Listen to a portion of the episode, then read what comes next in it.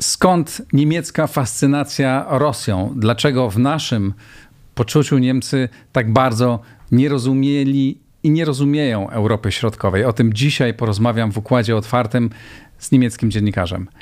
Te rozmowy nie byłyby możliwe e, bez Państwa, bez osób, które wspierają rozwój tego projektu. Serdecznie dziękuję wszystkim patronom, e, a tym, którzy chcieliby dołączyć do tego grona, E, tych, którzy chcieliby dołączyć do tego grona, zapraszam na mój profil w serwisie patronite.pl i zapraszam na rozmowę.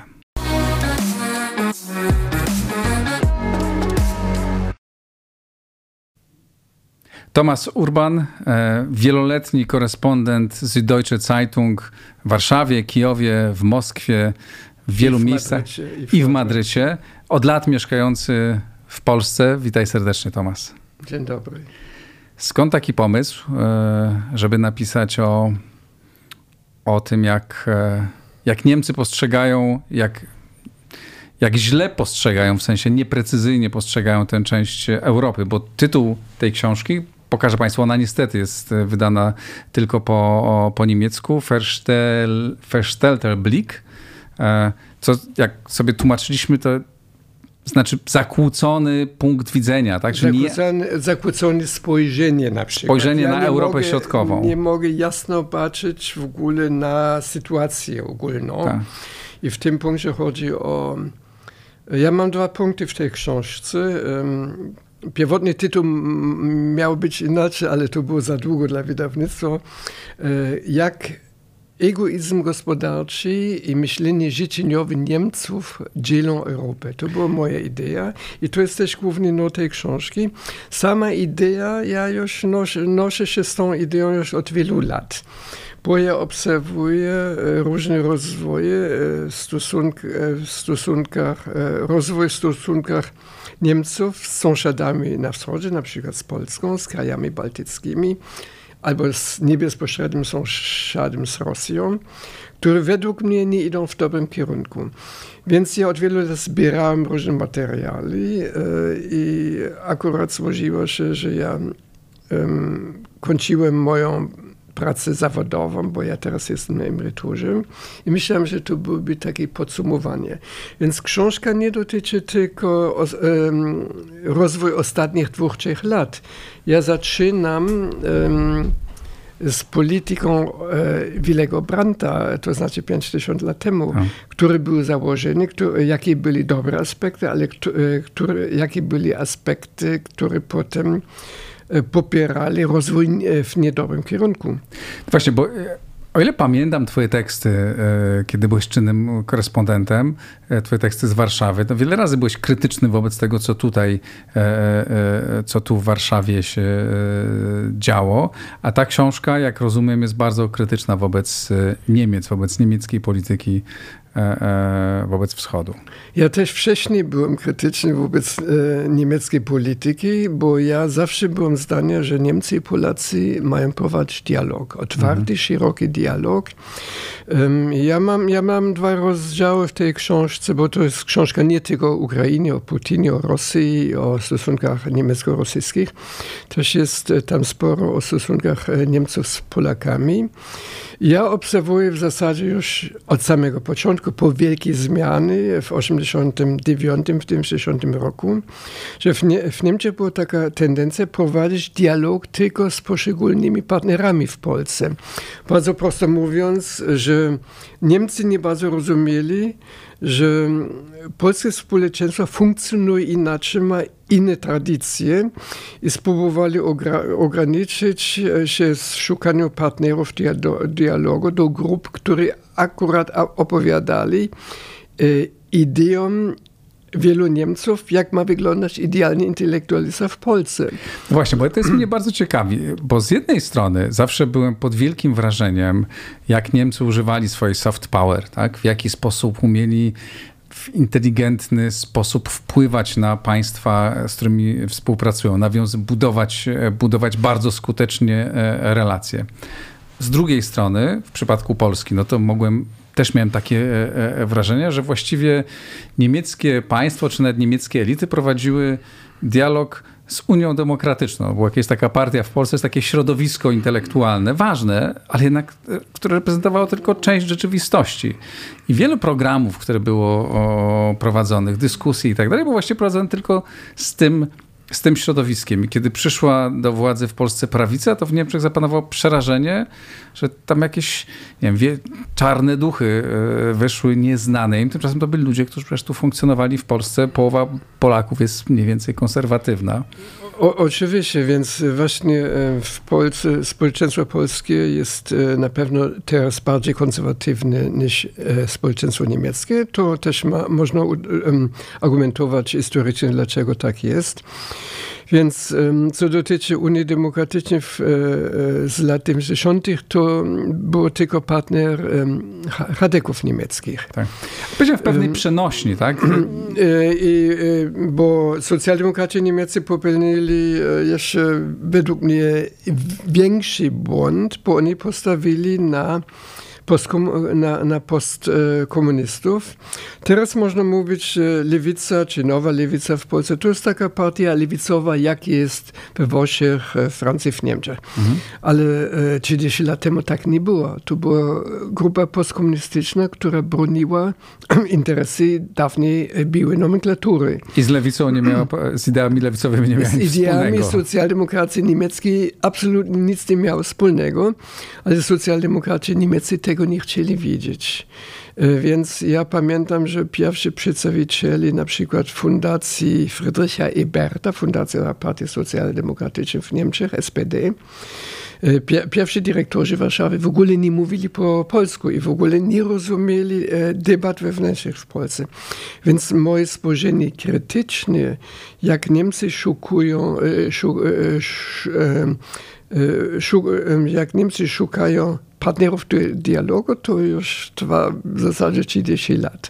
Ja znam wiele osób, które zajmują się Niemcami, e, które są intelektualistami albo no, poważnymi ludźmi czy dziennikarzami, którzy zajmują się Niemcami i e, tak jeden drobny fakt. Niedawno rozmawiałem z jednym z takich kolegów. Byłem we wszystkich ambasadach wielokrotnie, ale do ambasady niemieckiej nigdy nie byłem zaproszony. To akurat e, ambasada niemiecka na pewno nie gra takiej większej roli. Też tak jak na przykład ja nie zgadzam się z ideą, że rządy niemieckie prowadzą taką celową politykę, to w Niemczech jest wielu instytucji e, poza um, instytucji rządowych, które prowadzają dialog i mają swoje stosunki z Polską. Fundacje nie są zależne od, od rządu na tak. przykład. Um, ale faktycznie tak było, że um, waż, ważny błąd od wielu instytucji i stowarzyszeń niemieckich było nie integrować prawicy polskiej do dialogu. I też HD, HDC... Z czego to wynikało? Um, ja, ja pamiętam, jakie były um, konflikty pierwotne w pierwszej połowie lat 90. między HDK-ami niemieckimi i grupami, jak powiedzmy ZNH. ZHN. Z, z, z, e, Zjednoczenie Chrześcijańsko-Narodowe, tak, tak, tak.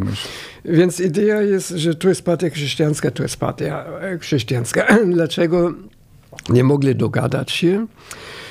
Był to balast historyczny. Niemcy i Chadecy stali za e, Związkiem Wypędzonych i to nie było do akceptowania dla prawicy w Polsce. Chociaż um, nikt dokładnie nie patrzy, też to jest mój zarzut um, adresowany do strony polskiej, do prawicy polskiej.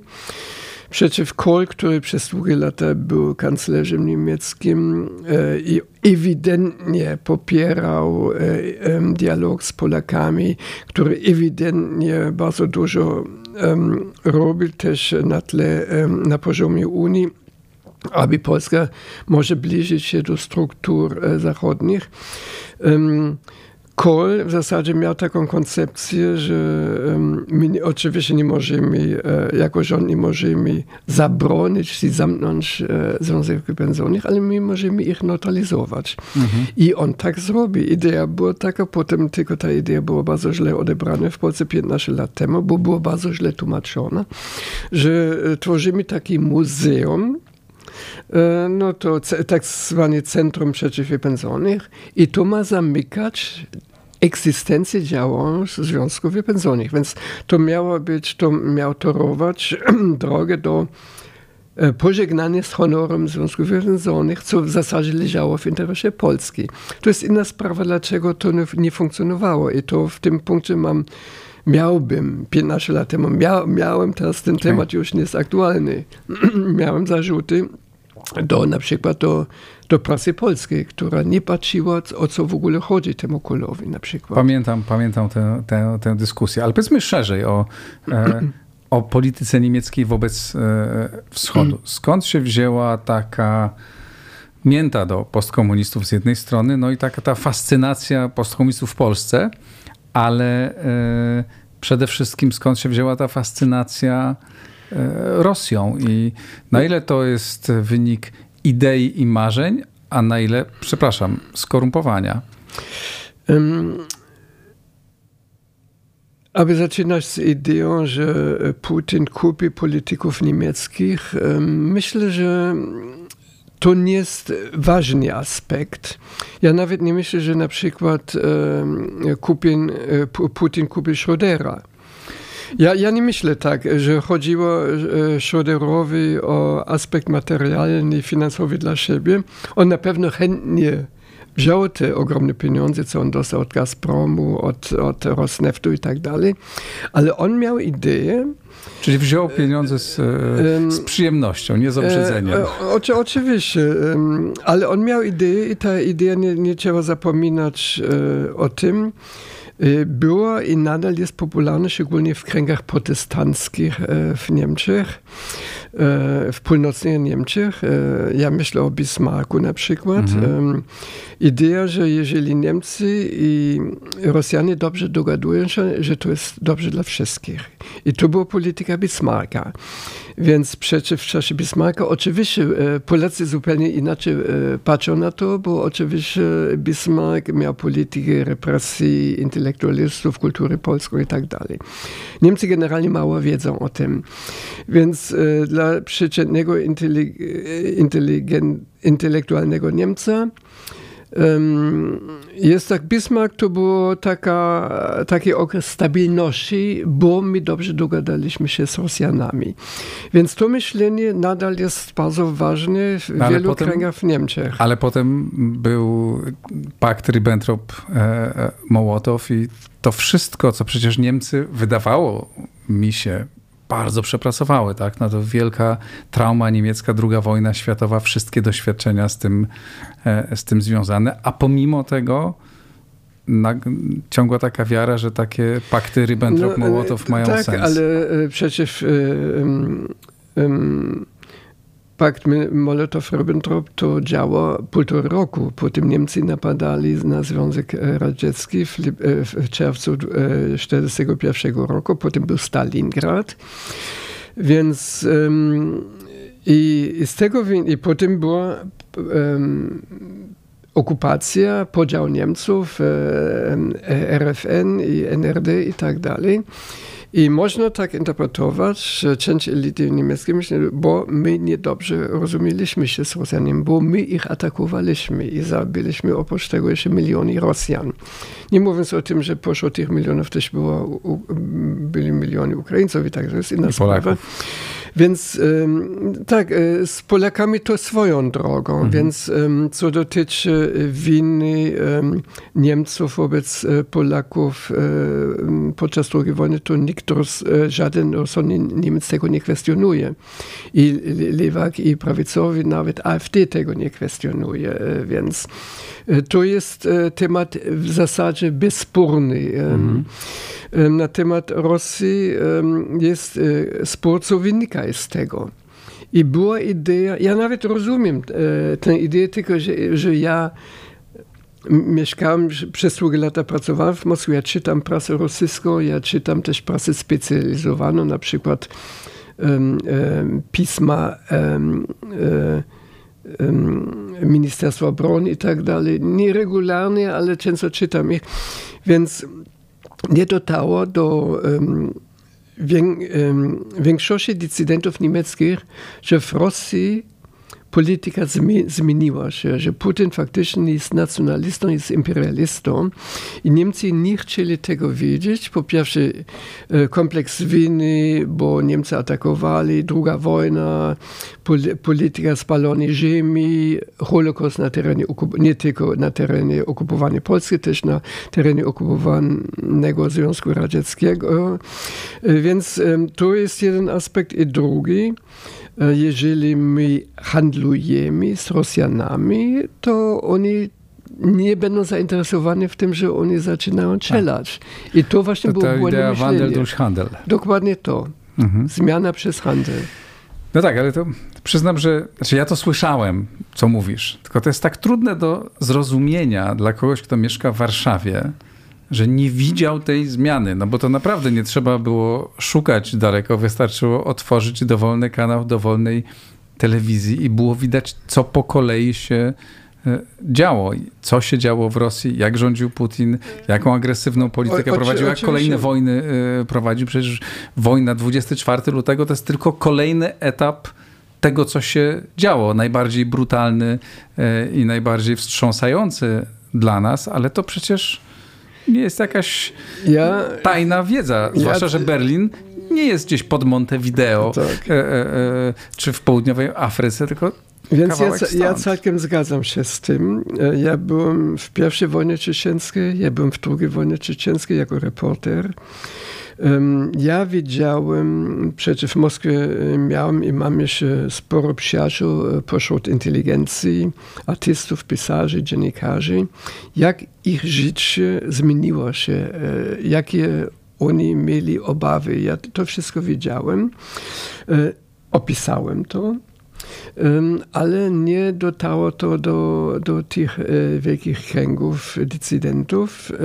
Zawsze, ja, ja mam przykład, który w ogóle nie rozumiem, jak, jak jest to możliwe. Angela Merkel, tak. która nie miała żadnych iluzji na temat charakteru Putina. Ona bardzo ostro krytykowała um, stronę e, rosyjską po wojnie z Gruzją. Bardzo ostro, publicznie. Ona po aneksji Krymu, e, ona podróżowała do Putina, do Soczi wiosną 2014 roku była wspólna deklaracja prasowa. Obok niej stał Putin za mikrofonem, ona za mikrofonem i ona mówi, że aneksja i ta wojna, e, którą Rosjanie teraz zaczynali w Donbasie, ona mówi, Rosjanie zaczynali, nie separatyści, bo to jest inna sprawa. Dlaczego prawie cała prasa mówi, że separatyści, tak. chociaż że to jest inwazja rosyjska i to nie, to nie jest żaden separatyzm. Więc Angela Merkel mówiła, stojąc obok Putina, że to jest polityka zbrodnicza. Widać, jak Putin złoszy się, tak, ale rok później, spotkanie. rok później ona promowała Stream 2. I ja tego nie rozumiem. I te, teraz no dobrze, to, ale to jak, jak próbujesz to... Jak spróbujesz to wytłumaczyć? Co, ja mam tłumaczenie, które niestety nie jest e, zadowoląca. E, moje tłumaczenie nie jest zadowolące. E, ona prowadziła rząd koalicyjny mhm. i socjaldemokraci bardzo popierali ideę Schrödera, Nord Streama. Ja myślę, że ona myślała, no dobrze, nie wiemy, ja nie ufam e, Putinowi, ale być może oni mają rację i ja chcę mieć święty spokój w mojej koalicji. Ja nie myślę, że ona w tym punkcie miała jakąś ideę geostrategiczną. Ona mhm. chciała mieć spokój w własnym gabinecie. Ja tak myślę. I nie zdawała sobie sprawy sceny, jaka to o, jak, Oczywiście, jak, jak więc to jest straszny błąd. E, ona wtedy została krytykowana z własnych szeregów ale to wtedy była pozycja mniejszościowa. Ja pamiętam, bo e, kiedy ja napisałem e, tę książkę, ja badałem, co moja redakcja opisała, napisała, komentowała przez ostatnie lata na temat Nord Streamu. I tam brakowało dwa aspekty. Tam był jeden aspekt, to tania energetyka dla Niemców. Mhm. Ryzyko, no dobrze, Ukraińcy protestują, Polacy protestują, ale oni i tak są rusofobami, to nie traktujemy tak poważnie. I całkiem brakowało, jakie to ma skutki e, dla e, regionów produkcji, bo tam jest kompletna dewastacja ekologiczna w Syberii. A Niemcy tyle mówią o, o ekologii. No Ekologia jest bardzo popularna. Jak, jak Rosjanie e, spełniają swoją lukę w własnym systemie energetycznym, bo sprzedają gaz za, za waluty Niemcom, Turkom, Chińczykom, węglem. Więc e, e, za każdy metr kubyczny e, gazu z Rosji, co Niemcy spalą, Rosjanie palą parę ton węgla. Tak. Więc bilans ekologiczny jest fatalny też, ale um, PR Gazpromu w Niemczech była bardzo skuteczna. To jest czysty, czysty, czyste źródło energii bardzo skuteczny i większość Niemców to wie. Tomasz, ale może to jest po prostsze, no bo może to po prostu są pieniądze, no, bardzo duże pieniądze, które płynęły do bardzo wielu różnych e, kieszeni i no, no, każdy jak tak, ale, w pewnym momencie wchodzi nie, nie w zależność tylko. finansową, zaczyna to racjonalizować i tłumaczyć sobie, no tak, bo to jest słuszne, bo dzięki temu to nasze samochody będziemy mogli, nasze fabryki ja, samochodów ja, ja myślę, rozpędzać. Że większość Niemców nie, nawet nie myślała w tych kategoriach. Nie, większość Niemców nie, oczywiście, ale tych, którzy podejmowali decyzje, tak? Na pewno, ale bardzo ważny też był ten to myślenie idealistyczne, że z Rosjan trzeba ich integrować przez handel i tak dalej. To nie było tylko, e, dlatego ja nie zgadzam się z ideą, że e, ta klasa polityczna została korumpowana. Mhm. Faktycznie był taki naiwny idealizm, że no my ciągaj, ciągamy e, Rosję też do nas. To oni akceptują nasz, nasze reguły gry. No, ale tak przepraszam, po drodze była Gruzja, e, był, e, tak. była Ukraina, to, to, tak, e, może, pierwsza może, były tak. mordy, tak? No były morderstwa. No, no może, bo... można, może każdy punkt, ja teraz mogę argumentować jak adwokat e, diabla. Um, um, Gruzja, był zamach na Juszenko na przykład ale nikt nie wiedział, kto stoi, więc e, nikt nie oskarżał e, Putina za to. Tak. Teraz to jest bardzo prawdopodobnie, że decyzja padła w Kremlu. E, ja wtedy też tak już myślałem, ale nie mogłem pisać o tym, bo nie było żadnych do, dowodów, też nie było żadnej debaty o tym, tylko Ukraińcy mówili o tym, ale więc, więc um, jeszcze wcześniej, przed e, II wojną czeczenską, byli, e, zburzyli domy, trzy domy w Moskwie i w dwóch innych miastach. I wtedy już e, imigranci rosyjscy mówili, że, że to Putin zleci, dał rozkaz. No, można było myśleć, być może tak, ale nie mamy żadnych dowodów.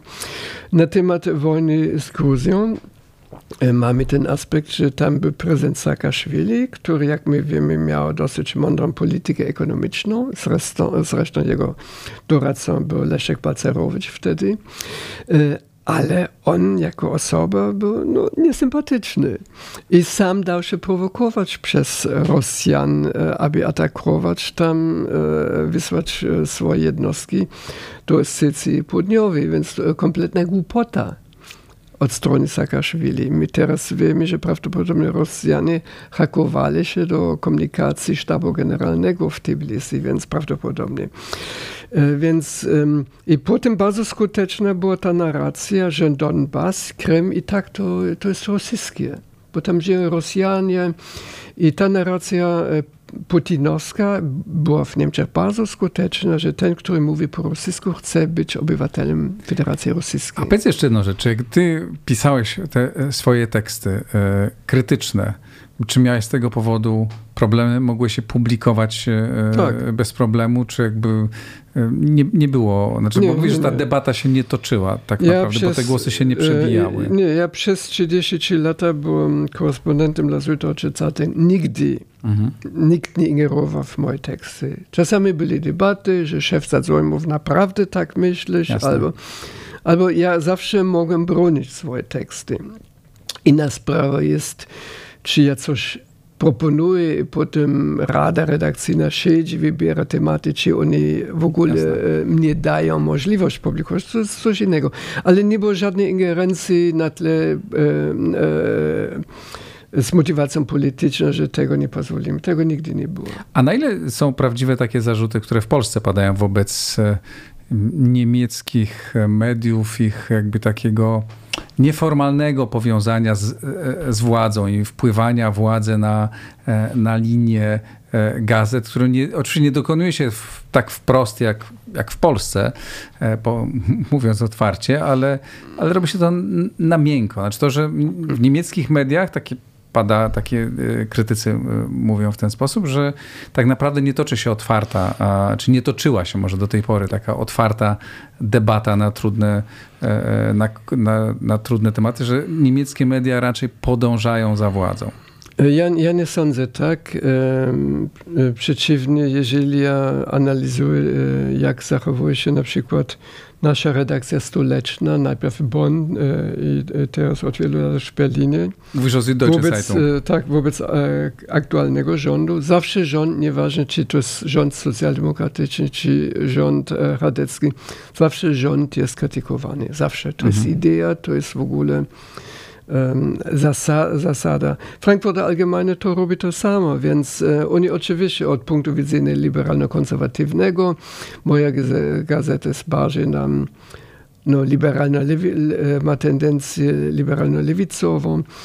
Ale ja, ja, pamiętam, że kiedy um, Schröder został kanclerzem w tym 1968 roku, to on zaprosił do siebie na winko szefa naszego biura w Bonn wtedy. Mhm. To był młody kolega wtedy, młody w moim wieku. I Schröder e, go jak on pisze ciekawe i tuje się winko i jaki on ma pomysły, że myślę, dobrze, to dobrze notuje. I potem ten kolega wszystko drobiazgowo opisał, jak Schröder chciał mentalnie kupić. Aha. Więc oczywiście on nigdy później już nie został zaproszony, nigdy nie dostał wywiadu u Schrödera, ale takie rzeczy Przecież u nas jest reguła, że ja z politykiem nie jestem na ty, ja nie idę na urodziny polityka, ja nie recenzuję książkę polityka, ja nie siedzę nawet w debacie z politykiem. No, ale istnieją czytałem takie teksty, że istnieją jakieś takie nieformalne kluby, w których uczestniczą czołowi redaktorzy i politycy spotykają się, żeby e, dyskutować tak, między sobą. Opowiedz, co to jest, na czym to polega? Nie, nie, nie sądzę, że jest e, to taka instytucja, gdzie ktoś spróbuje mieć wpływ na, na tendencje mhm. gazety. Mamy inny przykład. Ale rozumiem, że istnieją tego takie formuły spotkań Spotkania zawsze są takie. Ja, mhm. też, e, spotk ja, ja, też wiele razy wzi- brałem udział w rozmowach zakulisowych z politykami. To jest normalny element pracy e, dziennikarza. Ale mogę dać e, inny przykład. Prasa wielkiego koncernu Springer w Niemczech ma, no jest w zasadzie konserwatywna i bardziej popiera Hadeków niż, niż socjaldemokratów na przykład. Ale to nie jest na, na, na ta, takim poziomie, że nigdy nie są krytykowani. Mamy słynny przykład prezydenta Wolfa. Hadek, który wyglądał, że ma jak, jakąś małą aferę, że dostał jakiś kredyt od e, kogoś, który nie miał przyjąć, miał jakieś tam, przyjął jakieś małe prezenty, drobne, tam um, ktoś go zaprosi do hotelu. To były małe kwoty i on zadzwoni do szefa e,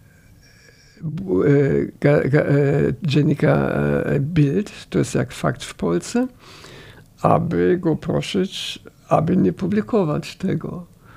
I on publikował e, stenogram, czy protokół tej rozmowy. -hmm i trzy dni później prezydent musiał dymisjonować.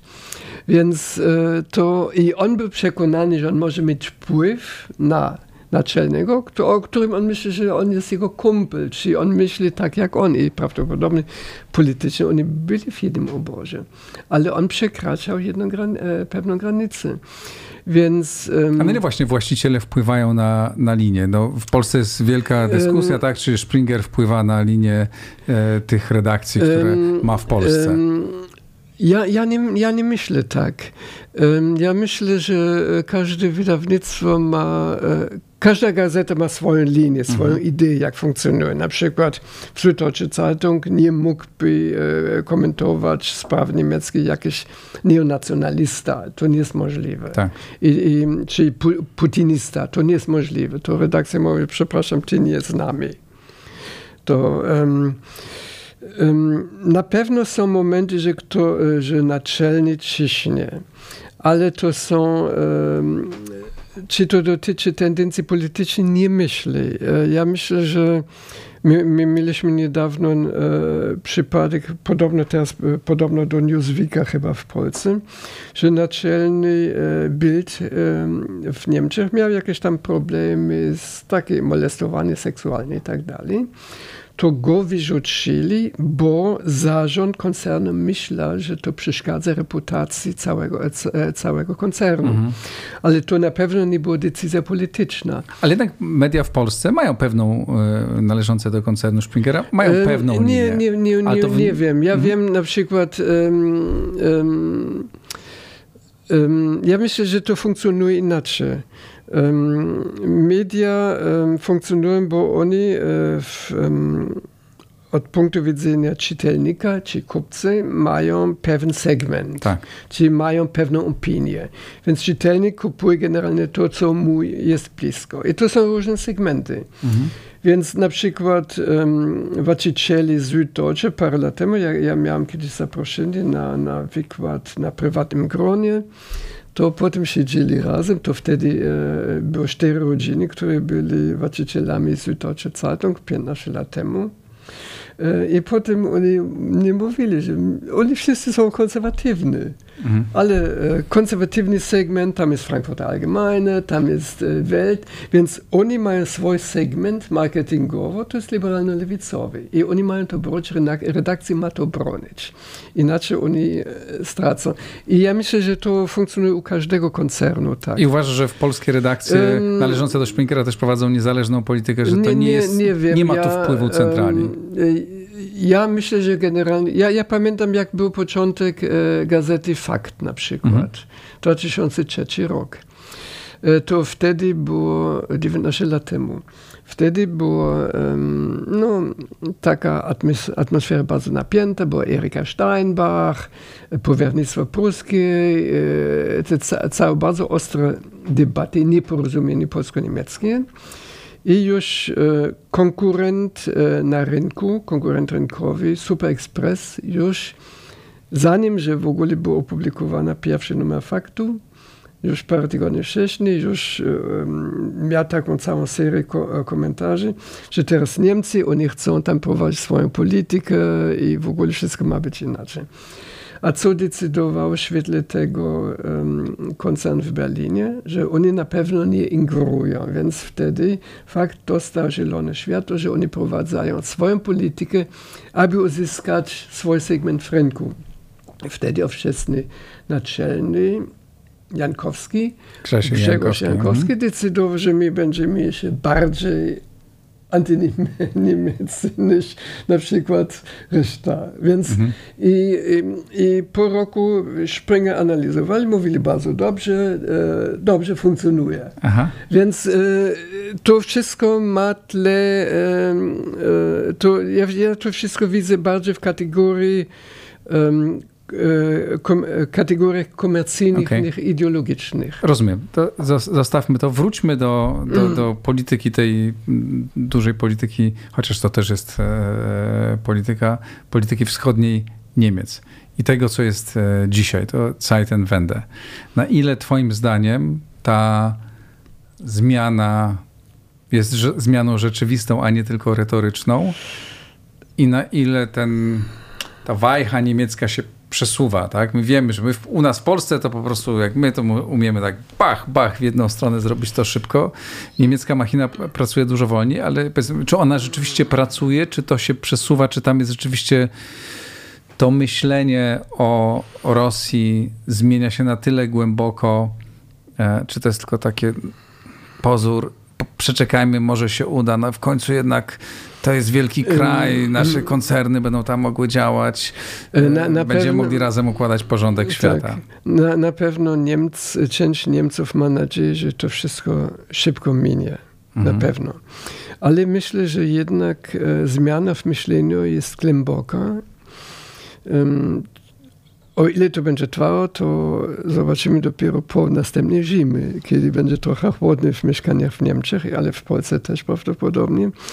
E, więc teraz można mówić, że jeżeli e, my analizujemy pozycję partii, wszystkich partii politycznych, oprócz AfD nacjonalistycznej, który nadal jest pro-putinowski i lewica, która w ogóle, nie wiem, też popiera Putina, chociaż to w ogóle nie pasuje do ich ideologii, to jest kompletny obłęd. Myślę, że ta zmiana jest głęboka. Też można to tłumaczyć um, um, psychologicznie, bo Niemcy czują się oszukiwani przez Putina. Oni mieli nadzieję, że on jednak nie jest takim bandytą, takim zbrodniarzem, jednak, że jednak, no on jest trochę szorstki, trochę no, ma swój styl, bo Rosjanie tacy, e, tacy są, ale jednak można dogadać się z nim. I ja myślę, że teraz już nikt nie ma iluzji oprócz marginesu pośród intelektualistów, że e, Putin jest e, zbrodniarzem i trzeba być e, twardo z nim. No tak, ale może to jest takie myślenie, no Putin jest zbrodniarzem, więc jak odsuniemy Putina, to pewnie ten następca Putina, czy wice-Putin, to już będzie Milasek i sobie z nim zrobimy fajne interesy. Debat, no, de, nie, nie, nie wiemy, um, są różne głosy, są takie głosy, są inne głosy, które mówią przecież nie trzeba zapominać, że to nie jest tylko Putin, że to jest cały aparat, to jest cały naród, to jest cała, to jest większość inteligencji w Moskwie. E, przecież e, zwykle żołnierz nigdy, nigdy go nie zmusza do tego, że on tak e, zachowuje się zbrodniczy, jak to było w Irpinie, w Bucie i tak dalej. Więc to nikt nie myśli, że to jest tylko Putin. Tak mhm. Tak jak nikt w Niemczech dzisiaj mówi i myśli, jak to było w latach 50., to wszystko wina Hitlera i Niemcy nie mają nic wspólnego. Więc nie, nie ma nie ma takich idei, czy tylko e, takie idee są marginalne.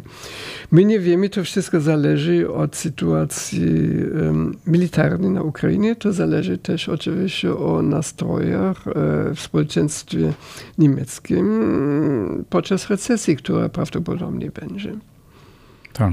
A w, czy twoim zdaniem ci doradcy, którzy są wokół, e, wokół Scholza, których czasami słychać, gdzieś obserwuję w mediach społecznościowych ich e, wypowiedzi, na ile, na ile oni właśnie jeszcze ciągle wierzą w to, że da się to utrzymać, na ile tak naprawdę już tam decyzja zapadła, tylko trzeba trochę urobić jeszcze to towarzystwo. Scholz został bardzo ostro krytykowany, że nie od razu mówi tak teraz wszystkie armaty, wszystkie czołgi i tak dalej. Jeżeli my teraz to analizujemy, więc e, ja nawet teraz rozumiem, dlaczego on tak ostrożnie. Dlaczego? Bo e, Niemcy nie mają teraz wszystko od razu. Oni mogliby robić więcej, ale nie mogli robić od razu tyle, jak myślała duża część opinii publicznej i w Niemczech, i w Polsce na przykład. Więc być może e, Scholz niedobrze przydał swoje, swoją ostrożność, to na pewno. Z drugiej strony też e, u niego i u, e, u socjaldemokratów jeszcze jest takie myślenie, że jednak trzeba jeszcze trzymać otwarty jakiś kanał dialogu z Putinem. To, ta sama pozycja mhm. jak e, u Macrona. Więc ja mam wątpliwości, że to teraz funkcjonuje z Putinem. Ja jestem osobiście mile zaskoczony pozycją Zielonych i to też jest taka bardzo kuriozalna historia, bo przecież oni byli tą partią pacyfistyczną. Tak. Więc oni teraz rozumieli i teraz oni bardzo blisko są do tradycji myślenia u Polaków. Z perspektywy, y, z perspektywy nie wiem, obecnej władzy w Polsce, PiSu, to pewnie Zieloni są dzisiaj paradoksalnie byliby pewnie najwygodniejszym partnerem dla nich w wielu sprawach, nie we wszystkich. Oczywiście, bo e, cały kompleks LGBT i tak, tak. dalej. Wtedy zresztą, kto, e, kto e, podczas II wojny najbardziej w Niemczech krytykował Putina, początku XXI roku, to była Erika Steinbach, więc ona miała do, dokładnie no tak. taką samą pozycję jak, jak e, prawica w Polsce. Czy ty uważasz, że to się prze, przewali? Jakby, że Niemcy będą wspomagać również militarnie, znaczy sprzętowo? E, ja myślę, że, ja myślę, że tak. Um, um, więc e, jest też um, ogromna większość to popiera, mm. więc um, to nie, nie, ma żadnego ryzyka politycznego dla kanclerza. Jasne. Większość społeczeństwa już w tej chwili jest tak, przesunięta tak, w jedną tak. stronę. E. Dobra, i na, i na koniec, a jak widzisz e, przyszłość relacji e, polsko-niemieckich? My Zakładając mamy... relacje z tym obozem politycznym, no bo jak będzie zmiana, to ani tak, wiadomo, tak, nie, czy i kiedy ta zmiana nastąpi. My mamy um, to wspólny interes. To jest e, e, blokować Putina, popierać e, demokratyczną Ukrainę. Mhm. Na planie wojskowym, gospodarczym, politycznym. To jest nasz wspólny interes. A czy Niemcy nie obawiają się tego, bo takie głosy słychać, że kiedy powstanie bardzo silny sojusz polsko-ukraiński, prawda, jest pomysł wprowadzenia wspólnego traktatu głębszego niż traktat francusko-niemiecki. Mm, czy Niemcy nie obawiają się, że no, powstanie tutaj taki jednostka silna, 80-milionowa tak naprawdę. No nie jedno państwo, tak, ale jakieś blisko współpracujące kraje, które no często będą się zderzać, pewnie mieć inne interesy niż Niemcy i że to w, i w Unii Europejskiej można robić kłopotów. Nie, nie, ja nie, nie, nie słyszę takich głosów i nic takiego nie czytam. Obawy są inne rzeczy. Ukraina nie jest wielka, nie ma takich tradycji, tam nadal jest korupcja i tak dalej. To są hmm. takie obawy. Um, że Polacy teraz po pierwsze w swoim kraju tak na takim poziomie pomagają uchodźcom z Ukrainy i że na planie politycznym bardzo popierają um, Kijów Zelenskiego, to jest bardzo dobrze odebrane. Więc kiedy była podróż um, premierów do Kijowa, e, premiera Morawieckiego i plus wicepremier Jarosław Kaczyński z dwoma innymi premierami. To było bardzo dobrze odebrane przez prasę niemiecką, więc jest taki moment. My mamy analizować, e, eksperci mają analizować, też w Warszawie analizować, dlaczego Niemcy nie chcieli słuchać e, Polak, Polaków. Dlaczego oni ignorowali ostrzeżenie tak. E, na temat Putina? I to oczywiście my mamy wielki kompleks, który jest na pewno związany z tym, e, jak Niemcy spojrzą na Polskę. To jest ten kompleks E, reform, e, reformy sądownictwa. To jest odebrane nie tylko w Niemczech, w zasadzie w, w wszystkich krajach starej Unii bardzo negatywnie.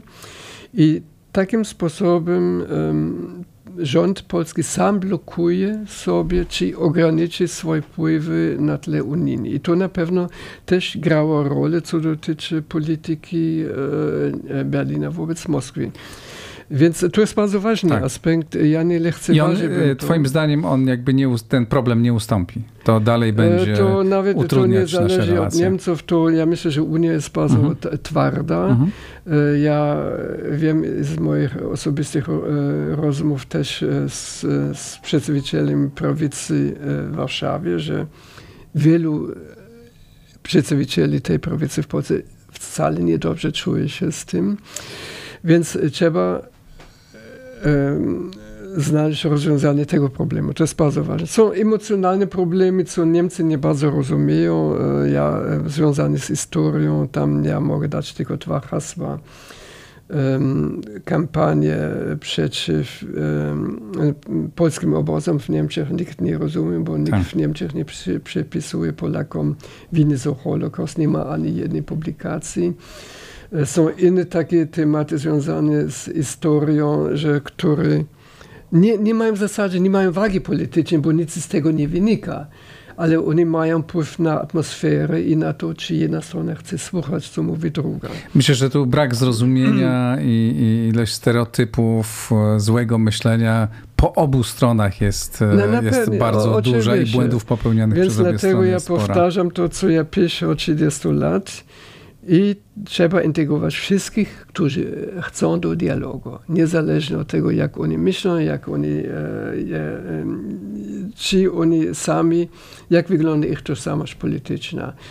Trzeba integrować do dialogu polsko-niemieckiego prawicę polską. Co najmniej tych, którzy chcą wziąć udział w, e, w tym dialogu.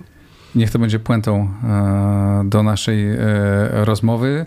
E, Thomas Urban, autor książki Verstelter Blick, co nie jest łatwo przetłumaczyć ten tytuł, ale on jest taki niepokojący dla Niemców. Tak? o e, niemieckiej polityce wschodniej, książki bardzo krytycznej wobec, e, wobec niemieckich e, władz i niemieckiej elity. Tomasz, bardzo serdecznie Ci dziękuję. Ja, ja dziękuję za zaproszenie. Dziękuję Państwu. To wszystko na dziś. Pamiętajcie, wspierajcie Układ Otwarty na Patronite, subskrybujcie i oglądajcie i słuchajcie. Pozdrawiam, do zobaczenia, do usłyszenia.